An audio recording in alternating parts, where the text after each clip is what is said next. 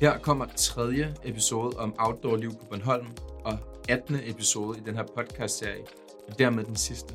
Jeg håber, du har nyt jagten. Jeg har i hvert fald nyt at have dig med.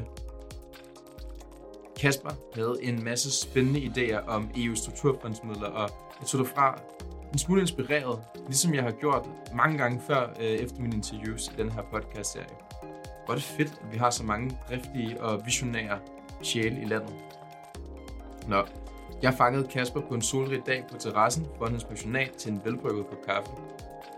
Det blev til et noget langt interview, som du får en del af her. God fornøjelse. Du er ikke fra Bornholm, vel? Nej, min kone er fra Bornholm. Din kone er fra Bornholm? Ja. Men I, øh, I, I flyttede hertil? Ja. For, hvad er det? Fem og et halvt år Fem siden. år siden? Ja.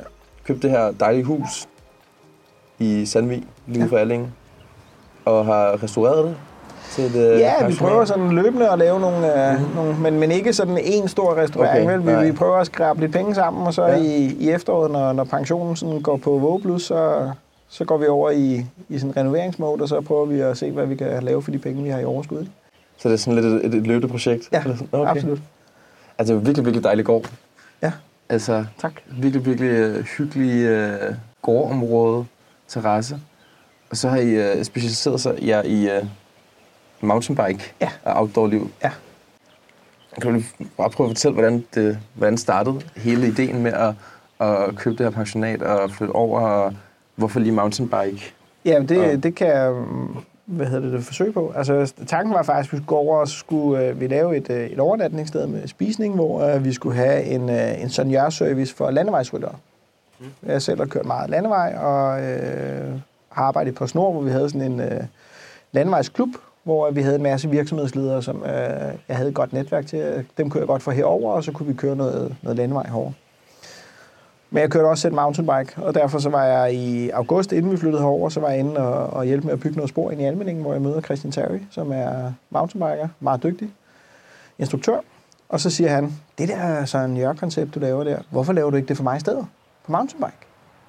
Jamen, det kan jeg da godt. Det synes jeg var en god idé. Og så øh, endte vi med at få købt det her sted, og så ringer jeg til Christian og siger, så nu kommer jeg sgu over, så nu skal vi lave det der. Hvad, for at jeg bare kan tabe ind i det her, hvad, hvad skal jeg så gøre? Jamen, de kunne godt bruge noget politisk, øh, hvad skal man sige, forankring. Mm-hmm. Og det kunne jeg jo hjælpe med, i og med, at jeg var lidt politisk engageret. Og så fik vi det her møde i stand med borgmesteren, hvor vi fik... Øh, Og det politiske engagering, det var i form af, at det spor, du var ved at bygge ind i Almingen, det var et, øh, et mountainbike-spor i det her øh, naturområde, reservat. Og, Ja, øh, det- altså på, det, på daværende tidspunkt var det jo øh, et, et fuldstændig privat, øh, eller et frivilligt projekt, ja. hvor man havde fået omkring 3,6 km spor derinde. Man gik øh, på frivillig basis og hakkede og, og fik lavet noget, og så kom Christian over, som er øh, en professionel sporbygger fra, fra Sjælland af, men, men er fra Bornholm af. Og han fik ligesom sat lidt mere skub i processen, men, men han manglede nogle penge, han manglede noget engagement fra, fra politisk hold, altså noget velvilje, ikke? Fordi at, øh, de, de, de kunne jo ikke lige pludselig bare bygge mere spor, end de havde grus, og de skulle lige skrave lommepenge sammen til grus og sådan nogle ting. Ikke? Så, så der var sådan noget træhed i, i den måde, de arbejdede på. Ikke? Så de kunne, ikke, de kunne ikke få lavet særlig meget spor. Øh, og det var det, de 500.000, de bare hjalp med. Ikke? Fordi der kunne der lige pludselig blive lagt 15 km spor sådan ret hurtigt. Ja. Øh, og det, jeg tror, der var det væsentlige i den proces, det var, indtil da, der havde vi jo i virkeligheden stadigvæk det måske mest udfordrende område i Danmark til at kunne køre mountainbike i, og det er vi flere, der har set og, og er flyttet til øen, fordi vi godt kan lide. Men øh, der var bare ikke særlig mange, hvad skal man sige, lette måder at komme i gang med det på, fordi det, det alt sammen, det var ligesom øh, ukendt øh, terræn, og det var ikke markeret, og man, man skulle vide, man skulle være sammen med nogen, der kendte sporene, ikke? Ja. Så de her 20 km spor, der bliver etableret inde i Almeningen på det tidspunkt der, Hvornår er det cirka? jamen øh, helt tilbage, det, det grundlæggende, det er i virkeligheden, øh, hvad hedder det, Almeningen får et spor, der bliver et af de 10 spir, som er sådan 10 øh, unikke spor, som Naturstyrelsen er med til at promovere. Og det bliver det allerede tilbage i, i start 2000. Øh, og det er Maiken og Benny Jørgensen, som er to lokale sporbyggere, som får, får lavet et lille spor derinde, som øh, er sindssygt fedt øh, i, i forhold til, til den måde, man byggede på dengang. Og det har gjort, at man hele tiden har haft den her awareness om, der var noget, der hed mountainbike, og der var også et spor på Bornholm. Jeg tror, at det var alt imellem 1,2 km og 3 km max, det spor der. Og jeg tror, at folk, der rejste efter det, de, de, de fik nok ikke helt nok at køre på. Men dengang var, var mountainbiker meget nøjsomme. Der var ikke særlig meget spor. Og så kørte man lidt på stierne og sådan lidt af andet, ikke? Men da vi kom over, der, der var det helt klart et problem for, for øh, hvad skal man sige, sammenligning med de andre øh, regioner, hvor at man bare havde meget store sporsammenhæng. Man havde, altså folk, folk, der kom herover og bare kørte det, vi havde, de synes ikke, det var imponerende.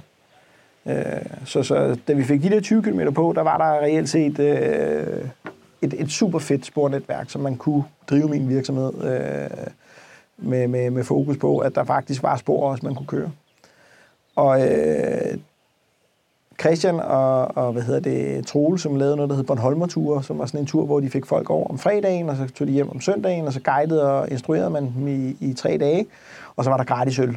Det var sådan et, øh, hvad skal man sige, meget catchy koncept. Øh, og, og det har vi ligesom holdt fast i, at de her Bornholmer-ture, det er, øh, det er den eneste form for markedsføring, vi laver. Altså, vi, vi, i virkeligheden så sponsorerer vi den der øl, øh, for at prøve at se, om vi kan blive ved med at holde det på sådan et lidt mere uformelt niveau. Altså, det skal ikke være, hvor man er konkurrence, eller man skal komme herover for at lære noget, for at hygge sig og for at netværke. Altså, mountainbikesporten øh, er meget netværksbaseret. Det vil sige, så når vi skal ud og køre, så ringer vi til hinanden eller skriver til hinanden, hey, er der nogen, der har lyst til at tage ud og køre? Jeg kører der og der.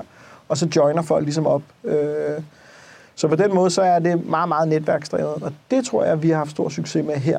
Og det er det, som vi i virkeligheden nok lever af, det er, at vi skaber og faciliterer rammerne, til folk kan komme over og hygge og snakke, og køre noget øh, mountainbike.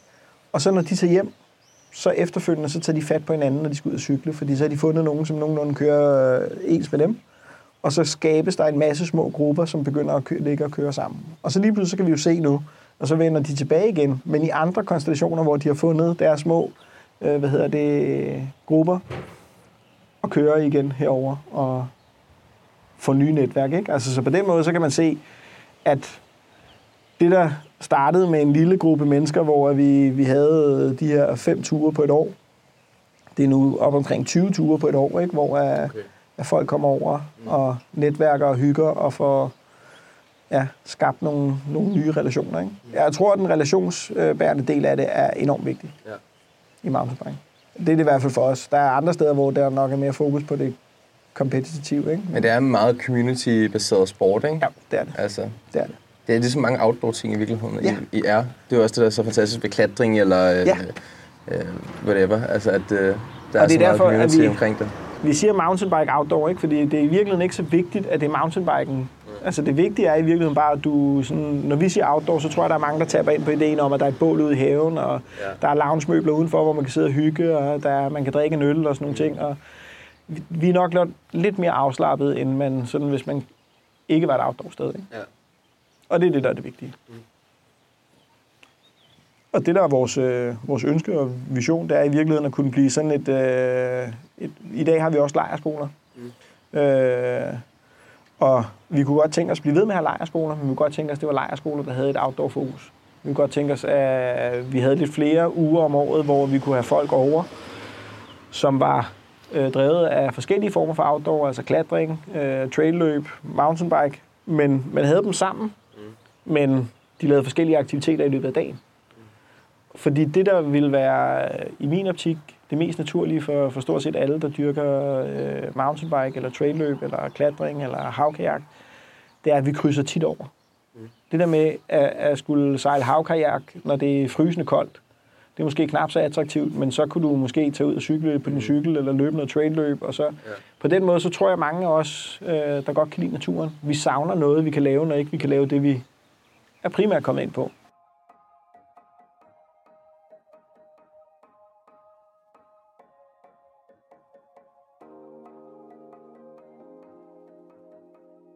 den detaljstyring, der er ned i det hvad skal man sige, enkelte projekt, den er både rigtig, rigtig dyr, fordi du, du, du, som du selv sagde det før, man har ikke kendskab til det enkelte projekt. Så man prøver at lave nogle overordnede rammer. Men de kommer til at blive begrænsende for det enkelte projekt. Mm. Altså for eksempel så øh, skulle vi lave en, øh, en øh, hvad hedder det, virksomhedsplan, hvor vi prøvede at tænke nogle af de tiltag, vi havde fået gennem øh, hvad hedder det, de, de foredrag, vi havde haft.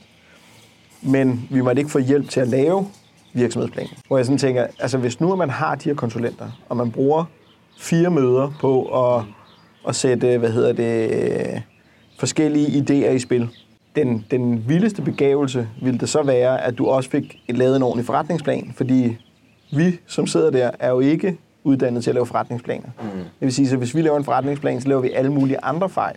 Fuldstændig som hvis vi skulle udfylde lidt af deres egen ansøgningsark. Til at starte med, så vil det være en dårlig forretningsplan. Det vil sige, at det, det er måske ikke, fordi vi ikke har fået den skoling, vi skal, og vi ikke har fået de rigtige værktøjer, men det er, fordi vi ikke er gode til at lave forretningsplaner. Så, så det helt naturlige havde været, at vi havde fået hjælp til at lave vores forretningsplan med de input, som vi havde fået over de fire møder.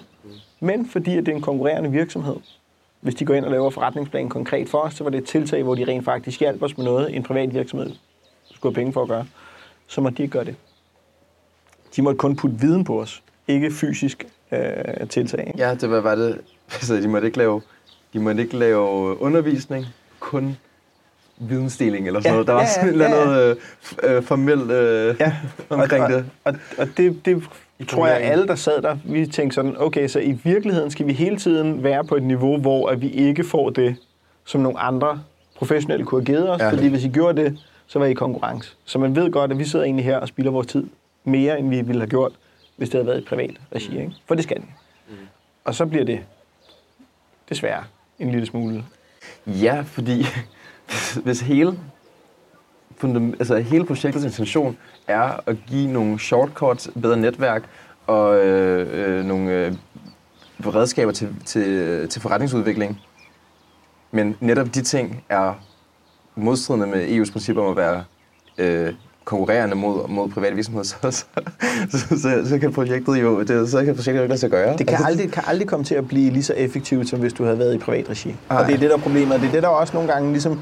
Det er jo lige før, det bliver læringen. Hmm. At sige, lad være at deltage i de her arrangementer, fordi at det vil tage mere af din tid, end hvis du ja. bare hyrede den private. Ja. Og det vil sige, at man sidder tilbage med den der fornemmelse af, der var rigtig, rigtig meget god læring i det, vi, vi fik. Men det blev holdt tilbage, og det blev, det blev forkrampet, fordi at der var nogle barriere, som man ikke... Altså, og, og, og den, hvad skal man sige, underlige øh, undertone, der var i det, det tror jeg bare skabte en masse forvirring. Jeg ved bare, at nogle gange, så, så når Peter han kom her, og man skulle underskrive de erklæringer, man skulle, altså, så kunne man godt se, at han havde bare havde kamptravlt, ikke? fordi han skulle nå at samle al sin dokumentation ind, inden han måtte. Ja. Og ja, det var uhensigtsmæssigt. Ja. Det kunne sikkert også være gjort på, på andre måder, men, men øh, igen, når man er øh, hvad skal man sige, sådan relativt øh, uerfaren med at, at søge de der midler måske, eller få lige præcis den fonds midler, mm. så er du nødt til at løse det på den måde, du kan. Du er ikke erfaren med det. Så kunne du hyre en EU-konsulent, som mm. så, og så har du brugt alle dine penge på EU-konsulenten i stedet. Ikke? Det, det, det bliver, i min optik, bliver det for, for fjernt, og det bliver for omstændigt. Hvorimod jeg tror, vi kunne have haft det halve antal møder med den fuldstændig specialiserede øh, hvad hedder det, information, som, som destinationen gerne ville have, vi skulle have. Mm. Og så havde det været dobbelt så hvad hedder det, relevant og halvt så tidskrævende. Og det, det er det, jeg sidder tilbage med, når jeg tænker på de møder der. Ikke? At det, vi lavede benspænd for os selv. Og der var en masse til at starte med. Man kunne også se, det var jo sådan, på de første to møder, var der jo væsentligt mere deltagelse.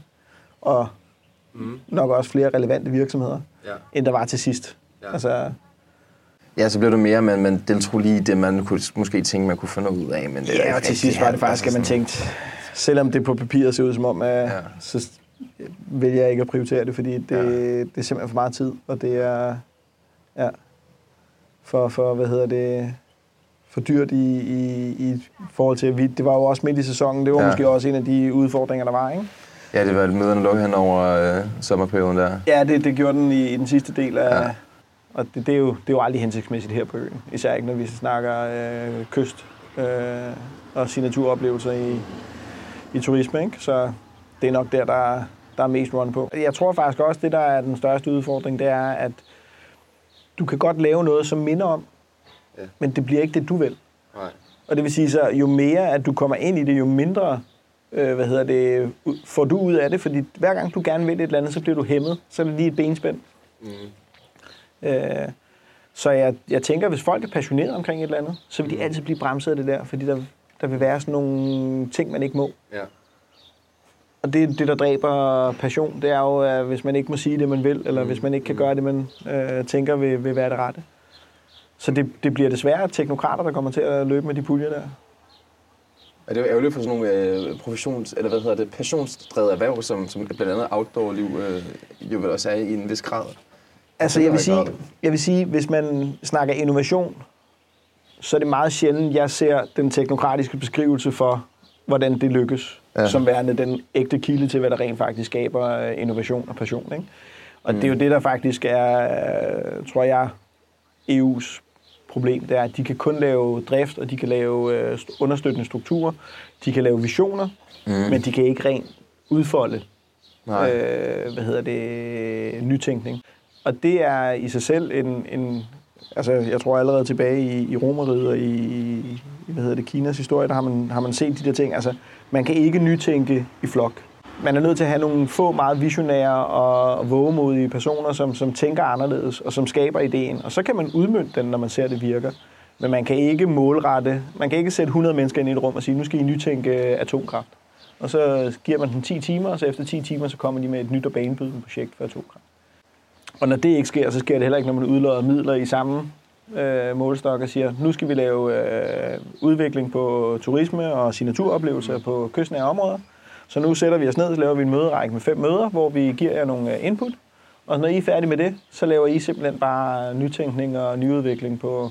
Hvad er det sådan en, en, for- en lidt for nem, øh, nem, lidt for nemt søgt forsøg på, øh, på at gøre det? Altså skal der sådan, jeg tror, man skal, sådan, skal man noget mere strukturelt til? Altså, hvad, altså, Nej, det, det skal netop... Altså, jeg tror, øh, hvad hedder det... øh, Walt Disney har jo prøvet at lave en struktur for Mhm. kreativitet. Mm. Øh, og man kan sige, at en af hans vigtigste øh, elementer i det der kreative forløb, det er i fase 2 og 3, der er der ikke noget tid, og der er ikke nogen, der siger nej. Altså, der er ikke nogen begrænsninger. Okay. Og det vil jeg godt prøve at, at, at få EU til at kigge på og sige, hvordan harmonerer det så med alt det, I siger? Altså, ingen begrænsninger, Ja. og der er ikke sat tid på. ja, nej, nej, det kommer aldrig til at ske. Det kommer ikke til at ske, og det er jo det, der er problemet med struktur. Ja. Det er, hvis du, skal, hvis du skal sørge for, at der ikke er nogen, der stikker af med dine penge, så er du nødt til at lave en struktur, en ramme. Ja. ja. Øh, men det harmonerer bare ikke med, at hvis du skal udvikle et eller andet, så kan du ikke sige, at det gør jeg på 10 timer. Det gør du ikke. Så efter 10 timer, så laver du et resultat, men det er måske ikke nyudvikling. Men det er også et lidt problem, hvis du gerne vil skabe innovation, men du på forhånd... I, når du søger projektet, skal, skal komme med nogle specifikke, eller relativt specifikke målsætninger til, hvad du vil få ud af det. Ja. Der bliver du jo mere begrænset af din, altså den antagelse, du har, når du skriver projektet, øh, frem for rent faktisk bare at have frie rammer, kan man sige, til at innovationen kan få lov til at, at drive sig selv. Eller, Altså jeg vil sige, hvis, hvis, hvis man kunne lave øh, hvad hedder det, det endelige resultat i sin ansøgning, så er memregningerne uinteressante. ja. Og det er det, man ofte gør. ikke. Man skal ja. sige, hvad, hvad er dit mål, og hvad... Ja. Men hvis du vidste det, hvis du vidste, hvad du ville få ud af det, mm. så er det ikke innovation. Mm. Øh, så derfor tror jeg, at der i, i mange af de her øh, projekter, der er der i virkeligheden fokuseret mere på, at man skal prøve at lave, altså finde innovationen, noget, der er skabt, Mm. og så må man vidensdele den, øh, og, og det skal man så nok gøre meget lokalt, fordi de lokale forskelle. Gør jo, at den viden, du henter i hvad hedder det, Sydspanien, måske ikke helt bare lige kan implementeres her. Mm. Så på den måde tror jeg, at, øh, at de der vidensdelingsprojekter, de kan godt blive alligevel en lille smule udfordret sådan rent øh, sammenligningsmæssigt, hvis ikke man sikrer sig, at, baggrunden og alt er, er på plads. Ikke? Mm. Og hvis du altså i min, og det har jeg virkelig kritiseret Peter for mange gange, hvis man brugte nogle af alle de kroner til at lave rapporter for, på at lave tiltag, det behøver ikke at være så vildt som en skilift. Det kunne også bare være badebroer, det kunne være øh, handicapfaciliteter ned på, øh, hvad hedder det, naturskønne områder.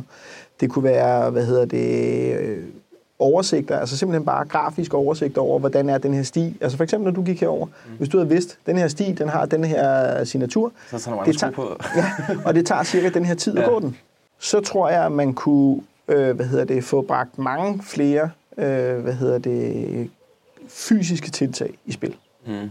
Jeg tror ikke, forhindringen bag at lave tiltagene ligger i vores virksomhedsplaner, eller vores viden om, hvordan er, er de store turismetendenser rundt omkring i Europa og i, i hvad hedder det, lykken er. Jeg tror, at de konkrete tiltag for os, der er lige nu, er meget håndgribelige. Altså, hvad er det næste, der skulle til? Eventuelt bare på, på hvad hedder det, regional, altså man kunne holde sig inden for regionens øh, ansvarsområde og sige, altså skiltning, Ja. understøttende, hvad hedder det, apps, ja. øh, lovgivning. Alle de der ting, sådan helt øh, håndgribelige ting, som EU godt kunne beskæftige sig med inden for deres virkeområde. Ikke? Mm. Men det skulle bare være noget, hvor de aktivt gik ind og gjorde noget. I stedet for, at de brugte os som redskaber, og så skulle vi gøre det bagefter i en travl hverdag, hvor vi kun har fået en lille del af det, som vi skulle bruge, men stadigvæk skal hente langt størstedelen selv. Ikke? Og alle midlerne skal vi selv skaffe. Altså, og der synes jeg jo, det er paradoxalt. Jeg tror, man brugte 2,5 millioner øh, på Kyst- og Signaturprojektet her på Bornholm. Mm. Og altså, for 2,5 millioner, der kunne du have udviklet øh, en app over samtlige outdoor-aktiviteter og kyst- og signaturoplevelser. Den havde været brugt, den havde man kunnet tage direkte ind i, og den havde øh, i min optik været med til direkte at give et værktøj til også at måle, hvor mange som så rent faktisk brugte det. Altså du kunne se, om det havde nogen succes. Jeg tror, der er rigtig, rigtig mange af os, som får nogle idéer på alle mulige forskellige baggrunde, og også når vi sidder i et netværk. Også når vi sad i netværket med kyst- og signaturoplevelser. Men om det var på grund af netværket, eller selve projektet, eller om det efterfølgende rent faktisk blev beriget af noget andet, det kan man jo aldrig vide. Og derfor tror jeg at nogle gange, man skal passe på med, hvis man begynder at sige, mm, jeg tror, Boating Bornholm blev udviklet, mens man øh, hvad hedder det, var til kyst og signatur. Det er aldrig meningsfyldt for mig at blive inddraget i processen, hvor man godt kan se, at nu begynder man at sidde og prøve at justificere projektets øh, hvad hedder det, funding, fordi at man umiddelbart har noget rapportering, man skal lave. Ikke? Mm. Og det, det var der ingen tvivl om. Ja, I det her projekt, jo tættere og tættere vi kom på afslutningen, jo mere vigtigt var det, at man kunne få nogle afrapporteringselementer ind, som, som gav mening. Ikke? Og, og man kunne også mærke på det, at det blev mere og mere forkrampet, jo længere hen vi kom i, i projektet. Ikke? Fordi der har jo nok ligesom været nogle målkriterier, som man skulle til at opnå. Ikke? Og det, så blev det sådan meget ensporet på at prøve at nå målkriterierne frem for at rent faktisk kigge på, hvor I hen? Hvad mangler I for at blive færdige? Det er fuldstændig ligegyldigt. Det var den der rapportering, der skulle tilfredsstilles. Ikke? Vi er alle sammen fuldstændig opmærksomme på, at der, der kan ske store svindel med, med de midler, der er i EU, og at vi skal have fokus på det. Men øh, jeg, jeg er bare slet ikke øh, sikker på, at når vi forvalter med så meget fokus på, at, øh, at der ikke må ske fejl, mm. at vi rent faktisk når til et miljø, hvor at den positive del af det aldrig kommer frem, fordi at vi er så bange for at lave fejl, at det er rent faktisk det, vi fokuserer på. Mm. Og det synes jeg er, er et kæmpe problem. Øh, fordi så, så vil man helt åbenlyst aldrig få de hvad skal man sige, idéer frem, som man rent faktisk ønsker, mm. og gavne med de penge, man giver. Man vil i stedet for at lære en, øh, hvad hedder det, en frustration. Og det er det, jeg tror, der er kommet til udspil i, i flere og flere af de mennesker, som rent faktisk beskæftiger sig med EU. Mm. Der begyndte at sige, jeg synes stadig, at EU er et godt projekt, men jeg, de gange, hvor jeg selv har været i kontakt med det, mm. har det bare været mega bøvlet. Ja. På de overordnede linjer, altså det er stadigvæk en fredskabende, det er stadigvæk med til at fremme handel, det skaber mere åbne grænser. Det er jeg med på. Men, men at få penge ud af EU, eller bekæmpe byråkratiet i EU, det tror jeg går den forkerte vej. Altså, man kan se, at byråkrati, det vokser jo ikke øh, kun, hvis det, hvad skal man sige, fokuseret næres. Det næres også af en masse andre ting, altså øh, mistillid, øh, mm.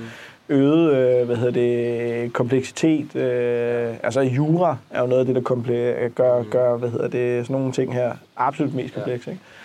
Og den europæiske lovgivning er bare mega kompleks. Ja.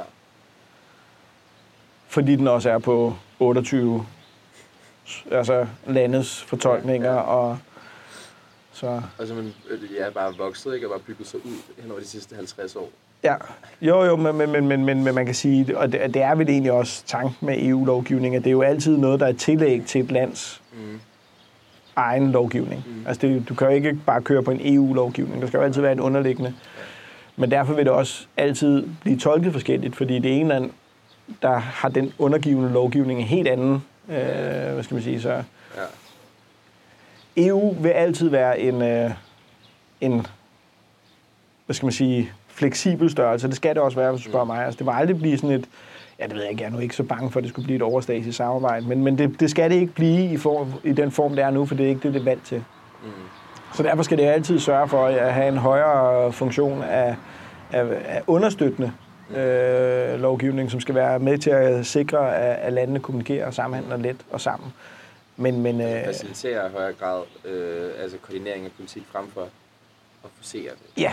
Og presse det ned ovenfra. Ja, og der, der, det er også der, jeg ikke forstår, hvorfor man bliver ved med sådan at, at prøve at lave de her EU-projekter oversag. Altså, hvorfor man laver dem fra decentralt hold. I stedet for, hvis man nu øh, fik forvaltet en pulje, og så sagde man til landene, prøv at høre, I ved bedst, hvordan det her skal være. Her er pengene. Afrapporter, hvordan I har brugt den, når I er færdige, og hvilke mål det har ført med sig. Men lad være at, at, at, at gøre det til en, en øvelse inden og fortælle, hvordan at jeres projekter vil løbe af staten. Fordi det vil faktisk bare forkludre af... Altså sådan mere politisk rådgivende eller ve- vejledende. Ja, i virkeligheden så er pengene der sådan, så at de kan prøve at forfølge målet, Ja. og, og de kan prøve at beskrive bagefter, hvordan de nåede det mål, om de, eller om de nåede et andet mål. Men det er ikke afgørende. Fordi det der problemet der er, at der er ikke nogen af os, der rigtig ved, hvor at når man får et projekt, hvor man med alle de data, du så fik i dit projekt, førte det til det, det du troede. Hvis ikke det førte til det, du troede, så er du fejlet. Ja. Så vil du af, aldrig kunne afdække, hvis det rent faktisk viser sig, at det, du troede, ikke var det. Hvad hedder det? Så bliver det meget deduktivt eller meget... Ja, ja, det er præcis. Frem for mere, ja... Og, og, det, og det, tror jeg, det tror jeg tit vil ske. Jeg tror tit i EU-projekter, så vil man opleve, at man sidder tilbage med en meget lille mængde, man kan bruge til. Projektet, fordi at alt det andet, det ligger faktisk uden for projektets beskrivelse. Ikke? Hvorimod det ville jo være fedt, hvis man kunne tage og sige, vi flytter lige noget af skåbet herover også, fordi der ligger det interessante. Øh, så, så jeg tror, det er, altså i min optik er det helt klart rammestyringen, der er noget galt med i den måde, vi uddeler penge på. Det var hermed de sidste ord i vores jagt på den sammenhængskraft, der kendetegner det danske samfund, og som desværre har været i tilbagetog i de seneste år, som følge af blandt andet globalisering og urbanisering. Oven på det her besøg på Bornholm, er der ingen tvivl om, at projekter, der er finansieret af EU's strukturfondsmidler, langt fra er en dans på roser. Det er lidt bøvlet, rammerne er rigide, og der opstår nogle gange en diskrepans mellem virkeligheden i lokalområderne og de rammer, som EU udsteder. Og så er der måske noget med hele systemet, som vi i Danmark har sat op omkring fordelingen af midlerne. Men det er en anden debat, som kræver sin helt egen podcast, og ikke noget, jeg vil komme mere ind på den her gang. Selvom der kan være udfordringer med midlerne fra EU's strukturfonde, så her skal der ingen tvivl om, at de her midler kan skabe gode og grønne projekter, der kan føre til konkret udvikling og gøre en forskel for lokalområder rundt om i landet. Der er muligheder i EU, og jeg tror på, at vi kan gøre rigtig meget for at effektivisere, altså på den gode måde, du ved, i forhold til, og, hvor stor en bæredygtig impact midlerne har. Men altså effektivisere, hvordan vi bruger midlerne her i Danmark. Så måske jagten på sammenhængskraften slet ikke er slut. Måske den kun lige er begyndt. Det var alt for den her gang. Mit navn er Mathias Sakker. Det kan være, at vi måske høres ved.